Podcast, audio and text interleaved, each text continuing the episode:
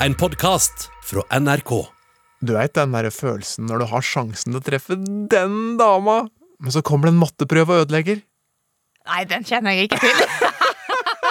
jeg elsker matte! Men da ja, Jeg elsker damer, holdt jeg på å si, men da gjelder det å tenke kjapt. Faktisk like kjapt som dagens gjest Lukas Bråten, som ikke bare fikk dama den gangen, men som også har fått med seg hele alpinkongeriket i den samme smellen. Han er det neste, og han kommer hit. Vi skal snakke om mange som vi har eh, forventninger til uh, framover. Vi skal opp på pallen og inn i garderoben. Velkommen. Sporten med Carina og Carl Andreas.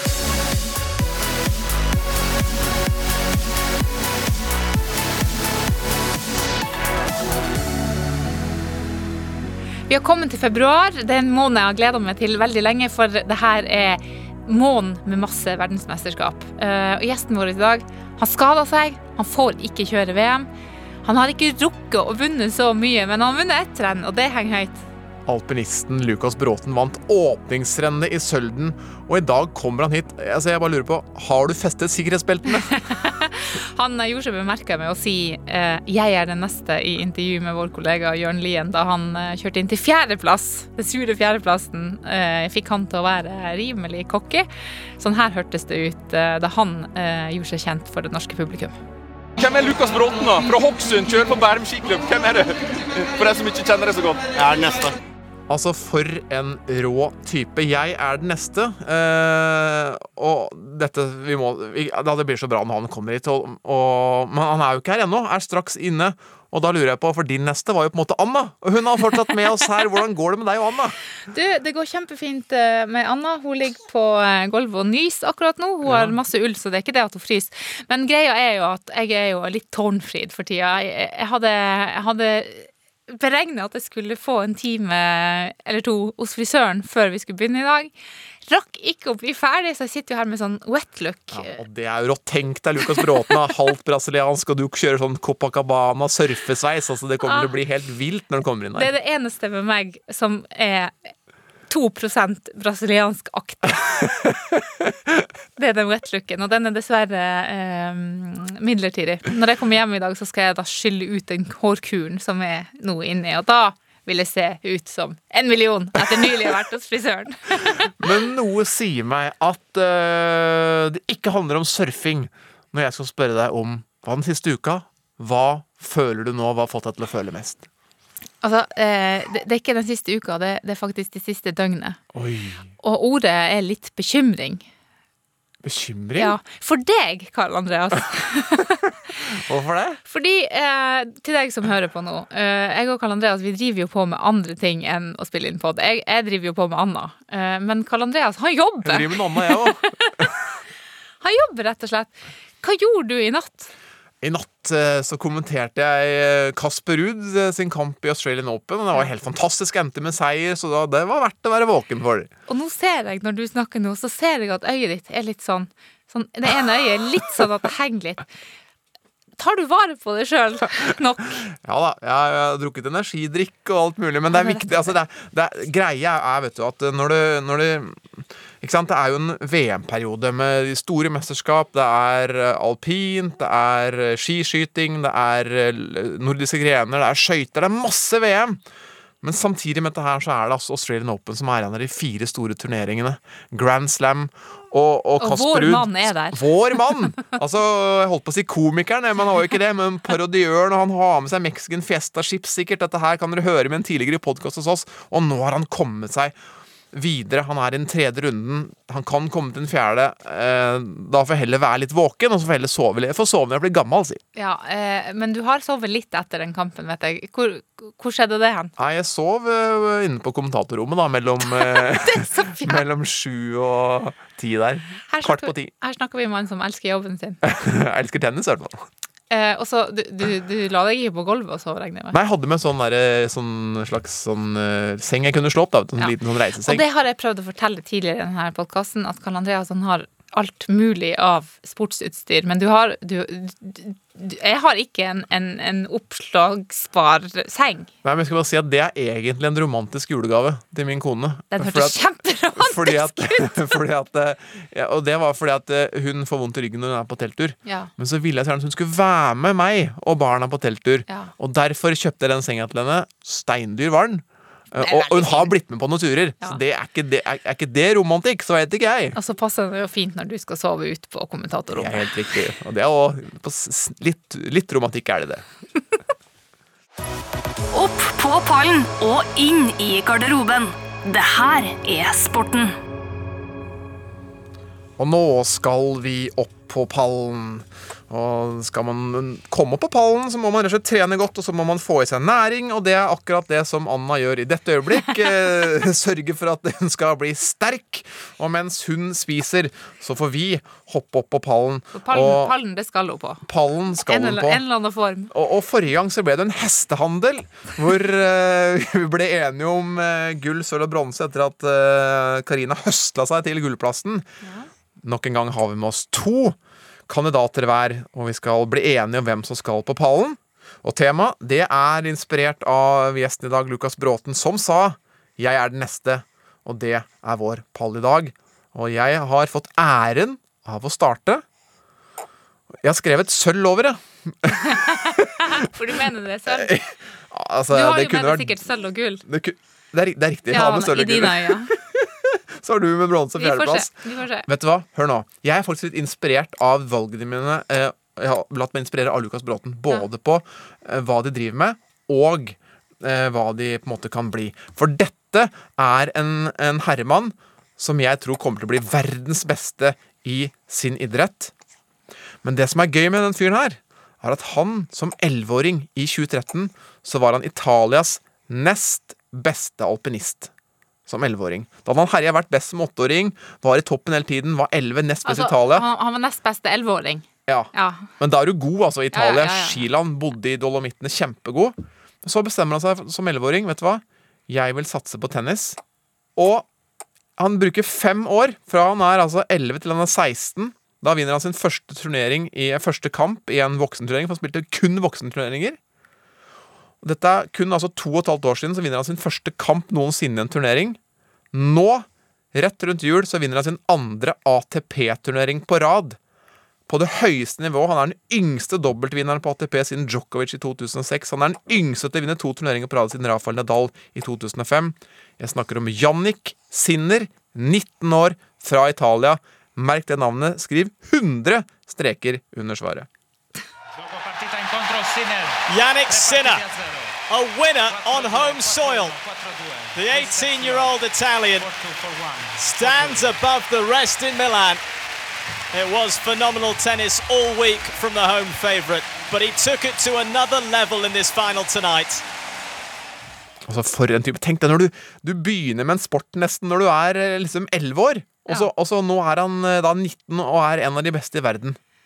Men da er han jo ikke den neste. Da han, liksom, han, har jo han- allerede, han har jo allerede levert. Ja, han har på en måte gjort det, men han er fortsatt så ung, og han er, ikke, han er jo ikke best, ikke sant? Nei. Men nå kverulerer jeg bare for å liksom snakke ned dine. Jeg må innrømme det. Men du vet hva? Min første er den neste. Vi skal holde oss i Italia. Oi! Ja, men jeg har en elsker, jeg elsker Italia. Ja, det skjønner, det skjønner jeg jo. Um, det, Mi piace Italia. eh, jeg har litt andre kriterier enn deg, eh, rett og slett. Eh, for, Han må være kjekk. Fordi når du, når du hører etternavnet her, så skjønner du hvorfor. Den neste Maldini. Oi. Ja. Når du er barnebarnet, barnebarnet til Cesare og, og, og sønnen til Paolo Altså, Paolo Maldini altså, altså det, det kan Finnes en kjekkere mann enn han, eller? Nei, det gjør jo ikke. Altså, Jo, det gjør det. Jo, det gjør det. Nei, det gjør det. gjør nesten ikke det. Hvis jeg kunne bytta og fått de husky øynene og det lange, bølgende håret der hadde, Å, helle månen, altså. Det Det, heng- hadde jeg bytta til, ass. Men eh, eh, han Paolo han har jo i hvert fall to sønner, eh, og den ene jeg skal fram til her, heter Daniel.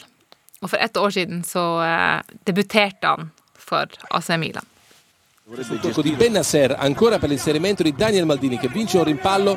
Nuovamente Lucas Paquetà Maldini scambia con il brasiliano Doppio scambio, Maldini destro in porta! Bravo. Torna in vantaggio il Milan con una perla di Daniel Maldini. 2 a 1. Ola Perla! Fantastico! Jeg skjønner ikke en dritt, men jeg skjønner alt. Ja, fytte grisen, altså. Maldini! Altså, han, eh, han debuterte jo eh, med nummer 98 på ryggen. Eh, nå har han nummer 27. Han kalles Danielito. Ja. Jeg, kan, jeg har ikke italiensk sleng. Jeg hører jo det. Men, eh, men, men som sagt, når du er, når du er barnebarn og, og, eh, og sønn av tidligere Maldini, så, så har du et visst ansvar på dine skuldre. Og, og han har jo utseendet med seg, det er jo ikke noe tvil om det. Men han, han er nok den neste. Han, han skal ha angrepsspiller, han, for han Golla var Ja, her, eller? Ja. fordi eh, det er jo også en greie. Maldinian har jo eh, tradisjonelt sett stått i forsvar, men han, Ja. her, han, han er attacking midfielder. Ikke sant? Ja. Maldinian sto i forsvar og fanga inn alle baller og troligvis alle damer i Milan og flere mils omkrets rundt. Ikke bare Milan, det er hele Europa, sikkert. Ja, nei, men han, han er min eh, definisjon på det neste. Det er et meget godt uh, forslag du har der. Uh, da har jeg skrevet gull over min neste. Men Dette skal vi jo bli enige om. Men du vet, nå har jo du Anna som er her, hun er jo ikke et år engang. Og så vet du, Men du, har jo, du er jo tante og greier, så du har jo på en måte tantebarn, både gutter og jenter, vel? Altså, jeg har, jeg har så mange tantebarn at jeg, jeg, må, jeg må tenke meg om. Og, og da, vet du, da vet du at eh, jenter når de er åtte år Da har de liksom akkurat begynt på skolen, og det er, det er liksom barn. De leker og koser seg, og litt yatzy og litt sånne her ting. Og da, den jenta som jeg skal snakke om, da Når hun var åtte år, så hadde hun på seg en sånn drakt som en fe. En blå drakt. Med, med vinger bak. Og det glinsa i kjolen. Sånn du kan kjøpe litt sånn Ann- Elsa Anna-kjole på lekebutikken. Alle åtteåringer har sånn kjole. Ja, ikke sant? Men den jenta her, Raisa Leal, hun sto på et skateboard samtidig. Og seilte over en sånn eh, slags eh, platå. Hoppa ut en trapp og tok en, tok en sånn heel flip. Snurre brettet rundt og lande på det. Blir filma Tony Hawk, en av de største skateboarderne gjennom alle tider. Og går viralt som åtteåring. Nå er Raisa Leal 13 år og verdens beste kvinnelige skateboarder. Aisa Leal. Fenomenet fra Brasil. Ikke bli overrasket om hun lander et uh, fullt run nå. Er egentlig fra november 2018 så har det vært et eventyr å se på denne jenta kjøre brett. Silkemyk frontside lipslide ned den største railen vi har her i bygget. Altså Vanskeligste graden på de triksene Leal gjør, er jo på nivå med mange av gutta. Det begynte jo med en viral video som egentlig Tony Hawk eh, la ut. Da tok det jo bare fullstendig av. Og så har det bare fortsatt for jenta som nå da er 13, setter nye standarder for skateboardsporten, gjør triks som, som gutter. Dette her var fra X Games eh, på, eh, på Fornebu, hvor hun eh, da ble nummer fire, men hun har vunnet Street League LA, tidenes yngste vinner. Hun har 543 000 følgere på Instagram, er en enorm inspirasjon for unge jenter. Uh, og de, de er jo ikke redde heller, vet du. De er, så små er så myke, tar tics helt fantastisk. Hvis du, hvis du vil finne på YouTube, og det bør du Søk Altså, fe, det er jo fairy, da. Fairy. F-a-i-r-y. Fairy. Heel clip. Nei, heel flip clip. Du sliter litt med din Ja, det var, fancy navn. ja, for det var liksom fairy heel flip clip. Søk på det på Ja, YouTube, og du får se den åtteåringen. Herre min hatt, altså. Nå kommer min, mitt andre forslag, og, og det er et mer eh, tradisjonelt, litt sånn eh, nærlig, Mer nærliggende eh, bidrag. Vi skal til skøytesporten. Oi! Ja. Og, og vi venter jo fremdeles på den neste eh, skøyteløperen som skal f.eks. vinne gull i allround-mesterskap. det har vi jo ikke hatt siden Kåss. Tidlig 90-tall. Lenge, lenge siden. Vært nær. Sverre Lunde, han tryna fra gullet. Men eh, vi venter fremdeles. Men vi har altså en kar nå fra Sandnes, og der er det jo masse bra idrettsutøvere. Beklager at det ramler litt bort, men jeg må bare løfte opp jentungen her. Ja.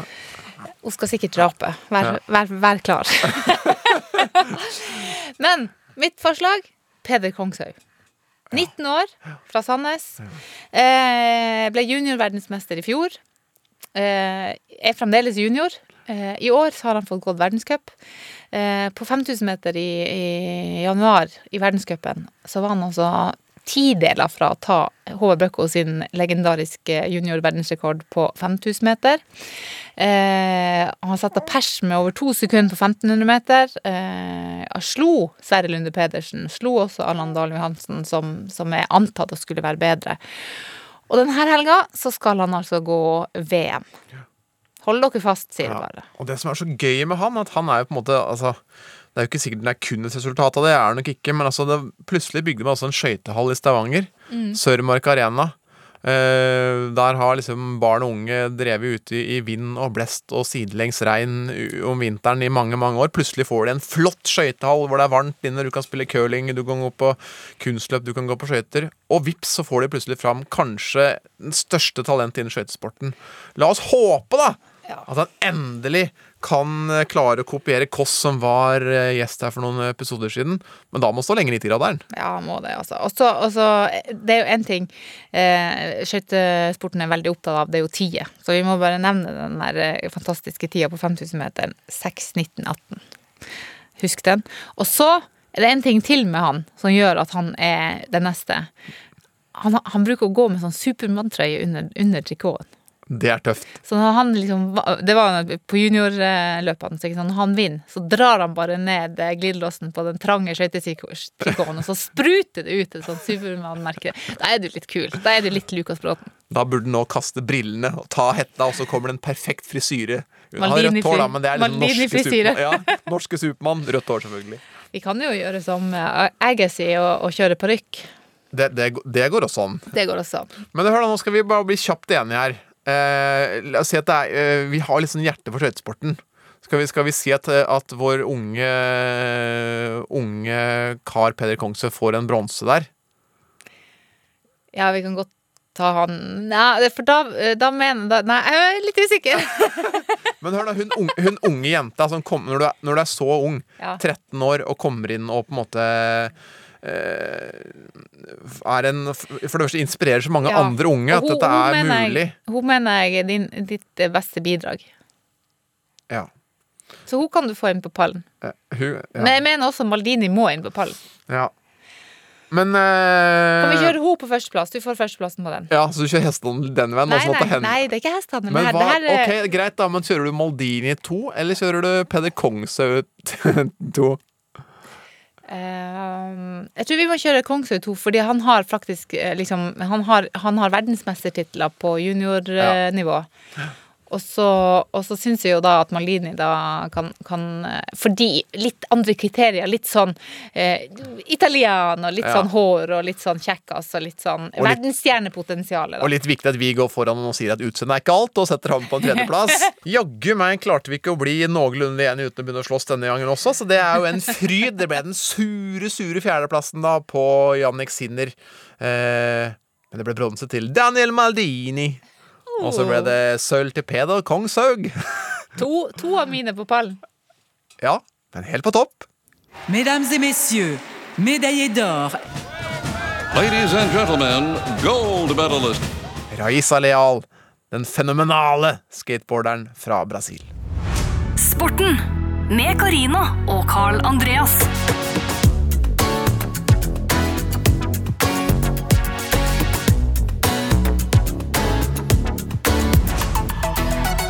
Vi har vært eh, ekstremt bortskjemt i Norge med eh, gode vinteridrettsutøvere. Veldig mange gode alpinister. Og nå er det neste i studio. Lukas Bråten, velkommen. Tusen hjertelig takk. Faen, vi har fått en ny, ny kongealpinist inn i studio. Altså, Vi kan jo skryte på oss når uh, unge herr Bråten her uh, har slått alle rekorder til Åmot og Kjus. Uh, så kan vi skryte på oss. Han, vi var den første norske podkasten han besøkte. Ja, for Kun foreløpig for international viewers og listeners, men nå er du endelig i Norge. Altså, Det er vanskelig å få tak i Mr. Worldwide til norske podkaster, så grunnen til at du liksom har prioritert de der utenlandske? ja, For det første så er det faktisk bare veldig eh, mange flere henvendelser derfra. Og så eh, har det vel egentlig vært at eh, i alpinten så er man jo mye større i Mellom-Europa og USA og, og disse stedene egentlig enn Norge. Eh, for Norge er jo egentlig ikke alpint så stort som man kanskje tror. Eh, det er veldig mye større der nede. Så det er nok litt derfor. Men, men du, og, og da, så det har vært liksom masse trøkk på deg, og så er du jo her. Men du er jo, skulle egentlig egentlig ikke vært der. For du, hva er det som skjer med at alle dere skader dere hele tiden? Nei, eh, jeg hørte om denne podkasten, og så eneste måten jeg kunne være med, så var det på en måte å ta kne. Så da ble det sånn. Å, nå er du god! Ja, veldig, Egentlig så er det vi som bruker å smiske med, med den som kommer på besøk. Dette er en det kjempestart av gjesten! Nei, men altså, nei, men jeg er en sjarmør, så da, da går er veldig, veldig, veldig bra. Du, altså, du er en type som setter deg på ny måte mål, og nå er selvfølgelig målet man å komme tilbake. Men så har jeg hørt det at eh, når du nå har fått denne sjansen her til å trene og må trene mindre med beina, så har du rett og slett fått et, eh, et nytt delmål akkurat nå som du jobber med på Olympiatoppen mens du har opptrening. Hva er det? Nei, altså Hva er datoen i dag, da? 11. februar. Mars, april, mai. Du skal, du skal være ganske i rute i mai med Ja, da må man være klar. For vi snakker SK21, som er prosjektet nå Det er til ikke Lukas lenge Bråten. igjen da. Det er ikke lenge igjen til du skal være Da skal det være biff. Altså, Skjømme Kragerø-sesongen er rett rundt hjørnet. Skjønner du hva jeg mener? Og grunnlaget legges nå. Og jeg tenker det. Jeg tenker det, ikke sant? Sånn som jeg har sagt, jeg er en positiv kar, så jeg prøver å se fordelen i min situasjon her. Altså, Jeg har et potensial uten like her i forhold til resten av gutta. Absolutt. Så altså meg til sommeren er jo bare Nei, jeg gleder meg. For nå har, du, nå har du endelig tid til å trene overkropp, ikke sant? Ja, for første gang siden først, Altså Målet mitt er å bli like stor som det jeg var første klasse på videregående. For da bare dedikerte jeg alle pauser jeg hadde eh, sammen med gutta, til å eh, drive med overkropp utenom ski. på landslaget er de litt strengere med det. Ja, for, altså, nå må vi bare altså, eh, for, for du er på en måte Jeg snakka med en venn av deg, så, og jeg spurte bare sånn tilfeldigvis, for nå hørte jeg om dette SK21. Uh, og så, ja, er, for, liksom, er, er Lukas singel nå, liksom? Ikke at dette handler om forhold, også, men så sa er han singel. Da, da fikk jeg et svar. Vil du gjette på hva han svarte da? Jeg er faktisk litt usikker på hva han hadde svart. Ha, han er singel, sa han. Og så la han på noe som rimer. I'm ready to mingle. Det er riktig. Det, det Hvor teit er han kompisen min jeg har snakket om, liksom? Hva skjer? Men altså, du, hvis, du, hvis du liksom skal legge fokus på SK21 og overkropp og sånn, så, så er jo det på en måte en slags naturlig konsekvens, Du gjør det ikke bare for din egen del. Altså, det er bare for å føle meg frisk og god. Ja, og ikke det er, Ja, ja, ja, ja. Altså, må ikke tenke, må ikke tenke ut altså, Dere, hallo. Get your head out of the gutter. Men vi skal bare fortelle én ting, da, og det er at vi har hatt snakka med Patrick Berg, som ble seriemester i fotball for Bodø-Glimt. Vi har hatt Martin Onsrud Sundby her, og begge de to har hatt sånn SK-prosjekt, hvor begge to har blitt for store og vært nødt til å trene seg ned etterpå for å bli bedre i idretten sin. bare Det er målet mitt. Nei. Jo, jo. Ja, men det, det går jo utover den andre treninga. Ja, men hva gjør man ikke for SK? Du har altså øh, klart å komme deg altså til toppen av øh, verden øh, og er en av de aller beste alpinistene i tekniske disipliner, i hvert fall de sa i storslalåm. Eh, har vært intenst inn til å satse voldsomt på alpint, men du hata egentlig å stå på ski, du. Altså, hvor, hvor, hvor gikk det galt? Hvor kom tilten? Hvordan kunne det snu? Nei, jeg hatet jo ski. Eh, noe så innmari da jeg var mindre. Så pappa drev Mountain Lodge oppe på Norefjell da vi var mindre. Det var veldig mye på Norefjell. Så jeg hadde jo bare alt linet opp for å, å stå masse på ski, og han er jo en ekstremt god skikjører, for han bodde vel Altså, han flyttet til Kitzbühel da han var eh, tidlig i 20-årene, og ble i både Østerrike og Tyskland i elleve år. Og studerte og jobbet første gang. Og, så han har vært skiboms i alle de årene. Så han har jo, ski er jo noen av de større grenene han har hatt. Så jeg hadde virkelig alt linet opp for å bli god på ski. Men eh, ja, det var vel det brasilianske blodet i meg som uh, tenderte litt mer mot fotballen og, og stranden osv. Så, videre. så nei, jeg, jeg hatet så mye. Så jeg, jeg løy på meg vondter og sykdommer. Og sa at de der støvlene var for små plutselig, og alt mulig for ikke kunne være med på ski. Så, så pappa bare etter et år så bare Det her er jo ikke it for, for min sønn. Det blir ikke noe mer der. Så Men, men har du dager fremdeles hvor, du, hvor brasilianeren i deg sier at eh, ski er crap? ja, altså, den sa jo bare Det her skjer ikke, liksom. Du må bare gjøre alt for å komme deg vekk fra den snøen der. Men switchen kommer egentlig bare for at jeg satset ekstremt mye på fotball da jeg var mindre. Så eh, det var vel i åtte-niårsalderen så spurte pappa om jeg ville ha en vinteridrett ved siden av fotballidretten. Og jeg er veldig åpen for ting, så jeg sa hvorfor ikke prøve, liksom, selv om det hadde gått som det hadde gått første gang han prøvde. Og så bare ble det ekstremt gøy, syns jeg. Ja. Han lærte meg bare Vi bare sto fritt i bakken. Han bare lærte meg det bare komme seg fram i pløsa i støvlene, trykke på ytterski. Begynte man liksom å kjenne jeg kraften man klarte å håndtere skiene på en god måte. og sånn. Det, det var gøy, liksom. Så fikk eh, dratt meg over i en litt sånn satsegruppe, selv om jeg var desidert dårligst. Og så ble det egentlig bare sånn, for å gjøre denne historien litt kort, da, så ble det liksom bare Jo flere og flere jeg klarte å ta igjen på den gruppen, syntes jeg var så gøy. Og så klarte jeg liksom å ta noen aldersgrupper over meg. Eh, og hele den der, det trappetrinnet der syns jeg var så sykt gøy, da, for jeg startet så langt bak. da. Um, det kom vel bare til at da jeg var en Ja, jeg tror jeg var 10-11, da, så bare skjønte jeg at det, er, det her blir veien å gå. Og da ble du kjempegod, rett og slett. Altså, Du herja jo og slo de andre jevnaldrende med liksom 8-9-10 sekunder i renn og sånn. Og, og, og var kjempegod. Helt til du kom opp eh, på første sesongen med FIS, hvor du plutselig kjørte med eldre løpere. Og var, da var du plutselig dårligst igjen. Og det var mange forklaringer. det Utstyr og ting og tang og yngs osv. Men da fikk du en skikkelig knekk, og Norge kunne faktisk mista deg. Hvor nærme var du å legge opp da? Eh, jeg var så nærme at eh, Det var vel pappa som tok eh, og satte meg ned Jeg husker ikke om det var midt i sesongen eller mot slutten av sesongen, eller hva det var. Og bare sa det at sånn som det står nå, så det her, er, går, det her går ikke veien. Jeg har ikke troa på deg. Og jeg råder deg til å slutte på ski, og jeg har ikke lyst til å finansiere skisatsingen lenger.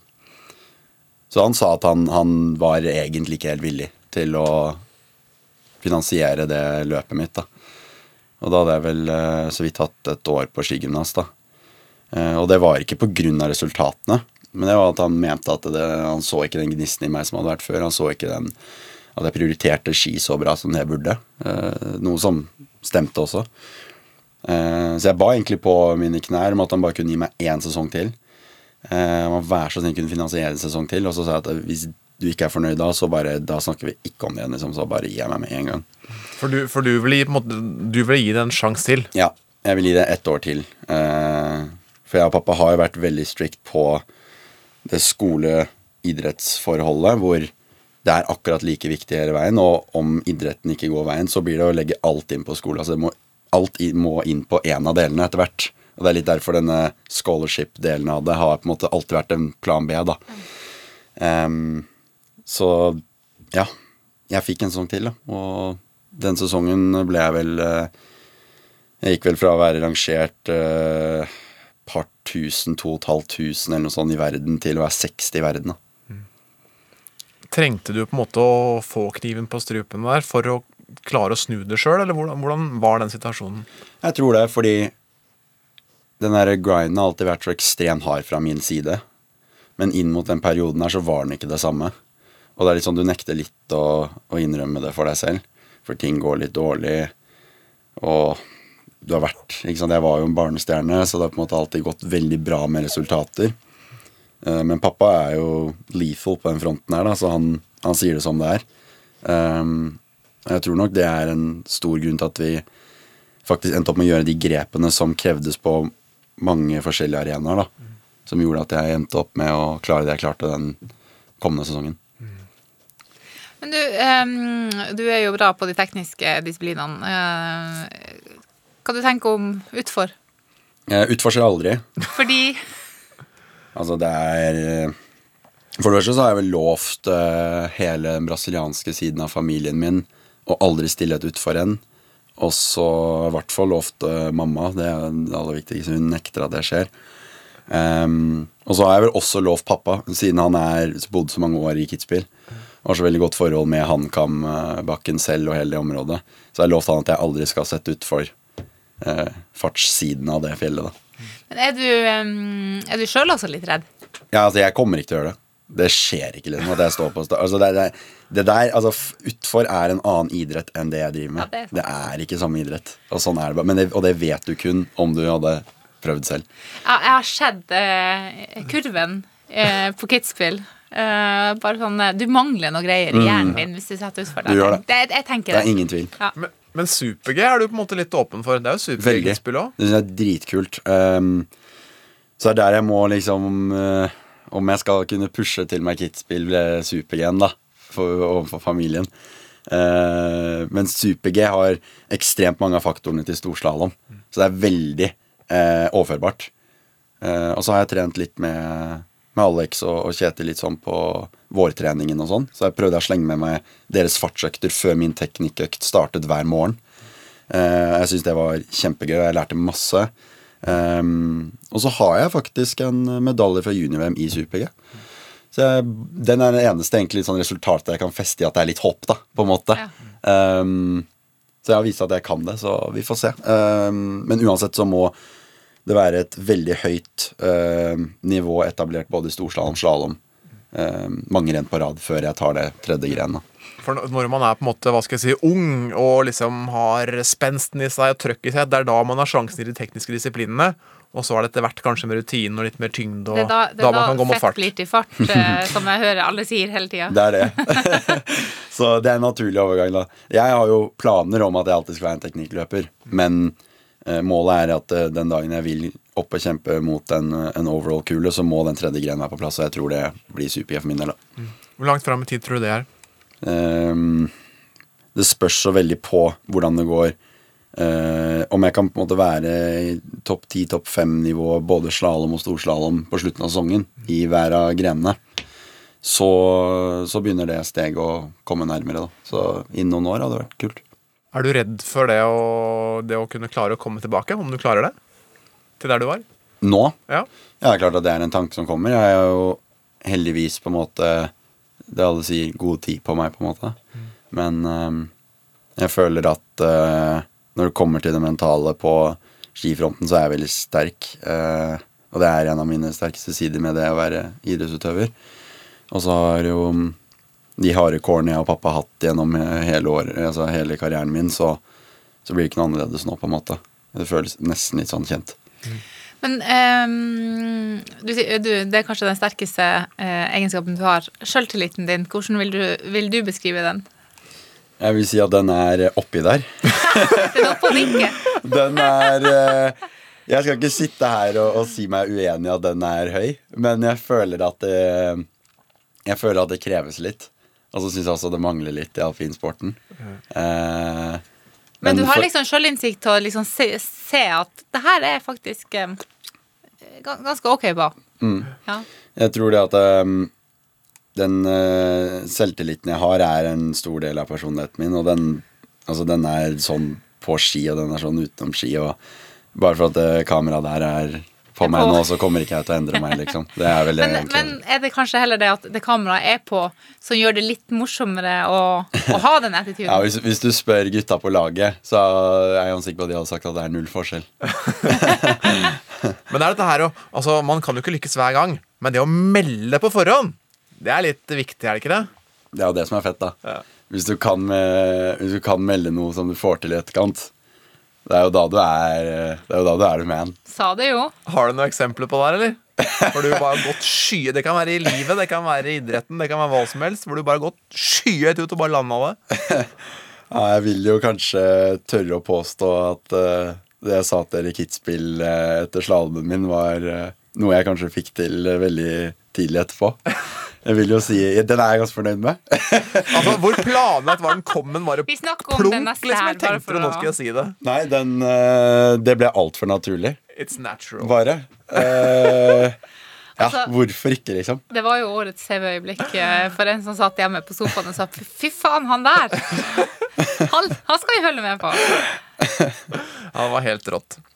Ehm, du og faren din var veldig opptatt av skole. Skole var viktig. Det var like viktig som skikjøringa.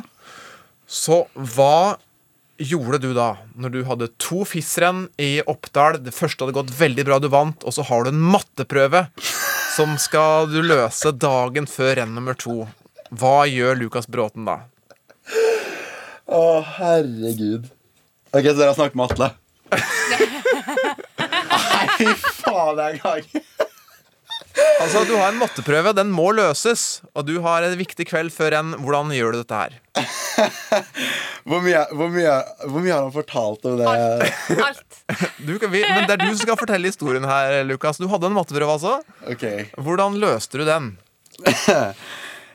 Nei, så vi er da på Oppdal, som dere så fint nevner, og så Jeg husker ikke engang helt når dette var, men 2017. Ok. Eh, så um, har jeg blitt to uh, første dagen. Jeg vet, mener du jeg skal ha to storslammeren?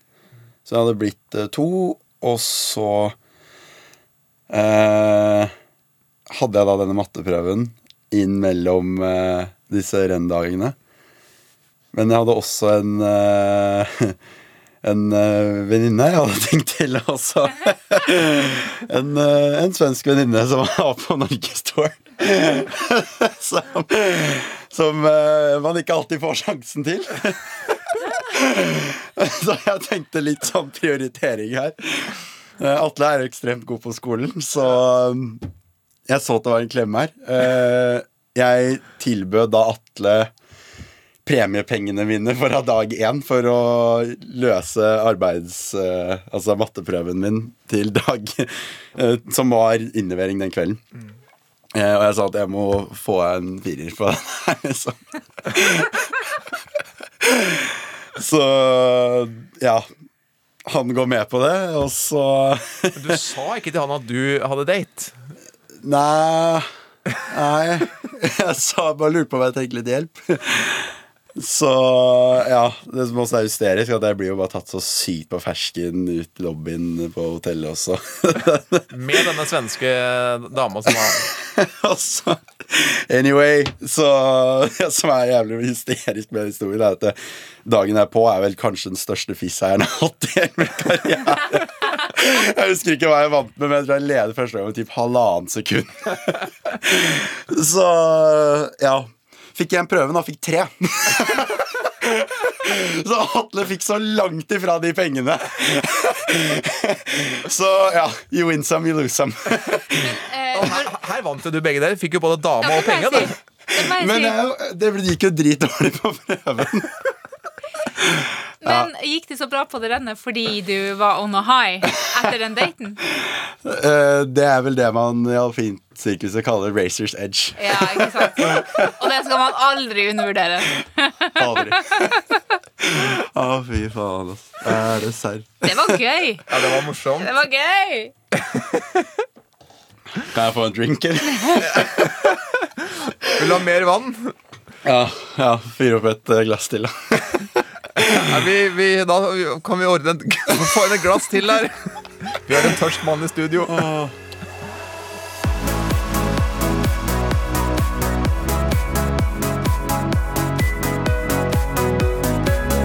Da har du fått vann igjen, eh, og rødlyset er på. Så da, da går vi videre i podkasten. Du, jeg har én ting som på en måte jeg som mann på en måte har slitt litt med her i Norge. Og det er at eh, Og dette her går litt på at Altså, Du er jo en veldig sånn tøff fyr. Ikke? Du kjører de røffeste svingene, helt vill på ski. Ganske sånn attitude. Du er liksom en ordentlig gutt. Hopper fra klipper på Instagram. God til å skate. Ikke selg meg ut for bra Men nå. så er det denne tingen her som jeg da Som jeg har likt alltid, men som aldri har fått sjansen til Norge. Derfor har jeg måttet dra til Italia. For Italia, der kan nemlig menn gå med smykker, og du får kjøpt smykker og sånn der. Men du har en liten myk side, du. Og rett og slett lager dine egne smykker. Ja.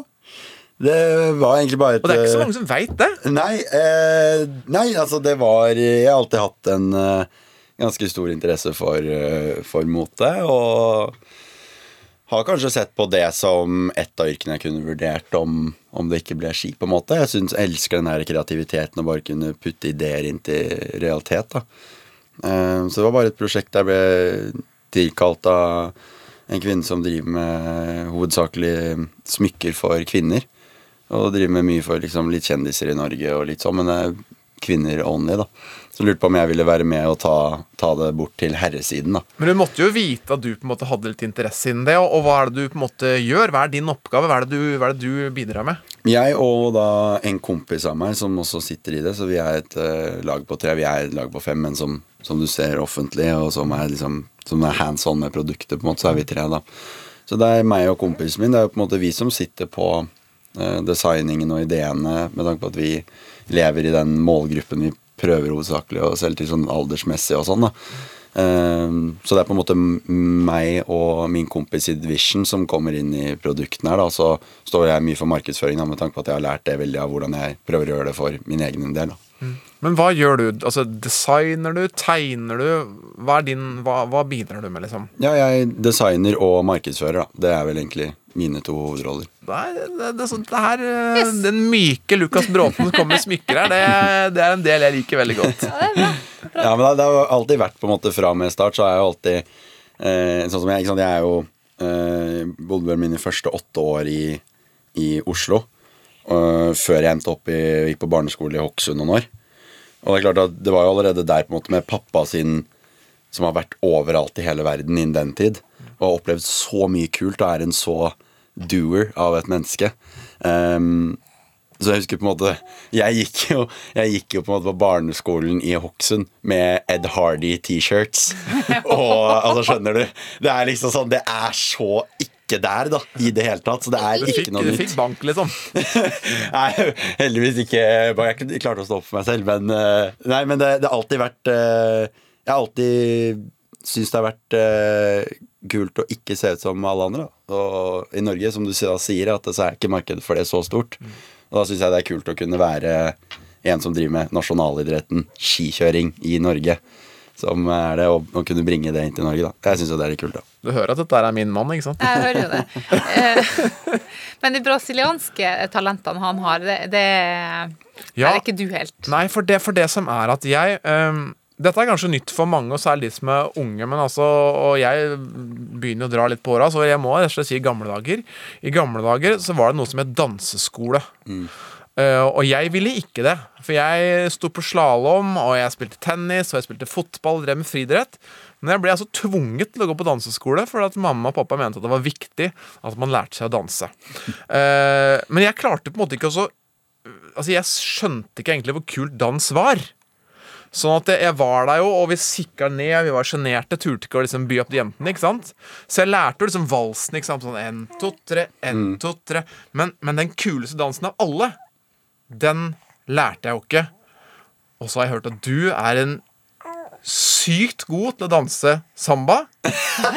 Så jeg vil at du nå skal f- f- freshe opp trinnene for meg. Hva er sambatrinnene her? Get up! Er vi seriøse? Ja, vis meg liksom trinnene her nå. Ok. ok. Så det blir jo Det blir jo uh, Trinnene er jo ekstremt simple. Ja. Eh, nå står jo den stolen veldig i veien her. da. Her må man ta plass. Vi må- Altså. vi må ha- Du må ha på headset. Jeg du må ha på headset. liksom. Ok. Ok, jeg hører. Så det er på Samba de Janeiro på ørene og full pakke, så da treffer jeg det riktig. ikke sant? Så er det viktig at du må ikke, må ikke låse hoftene. ikke sant? Hoftene må være helt frie. Og, og her skal vi gjerne liksom ha skal gjerne ha bøyd opp litt. og sånn. Det er litt varmt her nå, da. Ja. Men du skal jo gjerne ha en partner. Det er jo sånn jeg liker best å danse samba. Gjerne en ekstremt fin uh, jente. for eksempel. Ja, være- Da løser man gjerne og Så tar du da, ikke sant, så fører du. Snu deg litt sånn så jeg ser deg nå. Okay. Så- så- Sånn, ja. og så går du fram Ja, der har du, Se på hofta der. Der har du den der. Tilbake. Sånn her. Og, og, og, og du kan selvfølgelig du har ekstremt mange flere trekk, men dette er jo basisen. da. Ja. Og da er det bare viktig at den, den, den foten man står tyngst på, der må hoften bare være lengst utenfor kroppen som mulig. ikke sant? Og så må Ser du du gå hofta? Nei, jeg ser jo det. Men lagkameraten din har sagt det i intervjuet, og i hvert fall at Leif Kristian Haugen har sagt det i et NRK-intervju, at den, den, din brasilianske bakgrunn med brasiliansk mor og at det, at det påvirker deg og måten du er på, og faktisk hjelper deg til å være på en måte en, en god skiløper. Jeg vil si den gjør det i um, den største kulturforskjellen i, mellom Brasil og, og den norske kulturen. For min del ligger jo på en måte i den derre åpenheten og den, den varme kjærligheten og uh, lack of fear for liksom det ukjente, på en måte. Eh, jeg er veldig forelsket i det å være åpen for alt mulig rart. Altså Selv om du aldri har gjort det før, eller det er normalt i omgivelsene dine rundt deg, så ta heller være den første og prøve å finne ut hvordan det er. Det er derfor jeg, jeg driver med ski, da, for at jeg kan reise verden rundt og bli introdusert til alt annet òg. Men når det kommer da til ski, så er jeg veldig åpen for nye ideer og nye framgangsmåter til å gjøre ting og nye teknikker. Sånn føler jeg at det har hjulpet meg veldig, da. Eh, Jeg vet at eh, du har på en måte fått beskjed av landslagstjenerne på laget at eh, Lukas, nå må du slutte å kjøre med bøff. For den tar luftmotstand, og det, det, du får mer luft mot sand, og det går saktere. Men du kjører alltid med bøff. Det er to ting som er grunnen til det. Ting én. Det er jo kaldt i halsen. Det er jo vinter. Ja, og, og der er du litt gammel i tankegangen, men man skal passe seg for trekken. Ja. Ja. Dekker ikke dere til halsen deres når dere kjører på ski? Jo, jo. jeg kjører på ski hver dag. Ja. Altså, hallo. Men du kunne tatt den av i rennet, da. Det er jo, du er fortsatt ute på Fortsatt vinteren og kjører renn, da. Nei. Og to syns jeg ser bedre ut med hals. Så, ja. Etter mye, mye prøving så har jeg funnet ut eh, det ser bedre ut med halsen. ja, men altså, altså You dress good, you feel good, you do good. Selvfølgelig. Du, du er altså eh, Vi hører at du er, er litt sånn tullete og finner på ting og er en artig kar, men du er altså utrolig profesjonell med alt som har med idretten din å gjøre. Nå går du av sosiale medier, for du skal liksom fokusere alt på å trene opp igjen. Når tror du vi på en måte får se deg tilbake igjen? Oppe i et alpinrenn, kjempe om pallplasser, kanskje til og med komme på pallen? Jeg tror uh, det, er, det er innenfor rekkevidde å starte Sølden. Og worst case så uh, Greia er på en måte at Sølden er så veldig mye tidligere enn alle andre renn. Det er på en måte fra renn to og fram, så går det veldig slag i slag. Sølden er sånn ekstremt tidlig. Um, så kanskje man ser det som en langsiktig investering å starte fra renn to, da. Men det blir på en måte egentlig worst case, da, tror vi. Så ja. Men da vil du liksom da si altså, Hvor sikter du da? Nei, si det. Det tror jeg nesten er litt umulig å si nå. Men uh, det eneste jeg kan si, er at jeg kommer til å gjøre alt som skal til, at jeg kan uh, være med fra fullt av, i hvert fall. For det er den smaken av pallen og smaken av å ha stått øverst. Ja, den er som ingen annen, altså. Den er som ingen annen. Men er, er eh, Nå er det første gang du møter motstand, på en måte. Er det Fikser du det greit, eller er det vanskelig? Ja, jeg tror det går eh, Jeg tror det skal gå fint. altså det, det, for jeg ser jo ikke på det som første gang jeg møter motstand. Det er jo på en måte bare første gang det har vært en skade. Det har vært en type motstand. Ehm, så jeg ser nesten litt sånn tilbake på den gangen hvor jeg var på å legge opp stadiet, på en måte. Jeg syns egentlig det var en tyngre periode enn dette her. Ja. Godt å høre. Det har vært eh, fantastisk å ha deg på besøk. Og, og det er, du, du snakker ganske bra portugisisk, ikke sant? Jeg snakker portugisisk, ja. Jeg regner med at denne podkasten blir hørt i Brasil, så jeg føler vi på en måte nå skal vi avslutte med litt brasilianske toner her. Og så skal vi få, få høre Lukas bare si liksom Kjøre på med noen deilige portugisiske gloser her. Og så runder vi av, og så gleder vi oss til Lukas er tilbake igjen i bakken. Får litt musikk her nå. Vi får stemningen. Ok, Skal jeg kjøre liksom en sånn liten outro nå, liksom? Ja, ja, ja. Ok, så Eu chamo Lucas Braten, Pinheiro Braten e hoje eu fui num podcast, minha primeira podcast na Noruega, foi muito legal e sim, agora é só finito, nós vai acabar. Tchau, tchau todo mundo, tchau, tchau amigos, beijos, tchau. Ah, obrigado!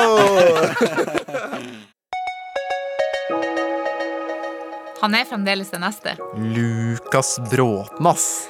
Altså, jeg, jeg, jeg hadde sans for fyren før. Eh, Jeg har sans for fyren fortsatt.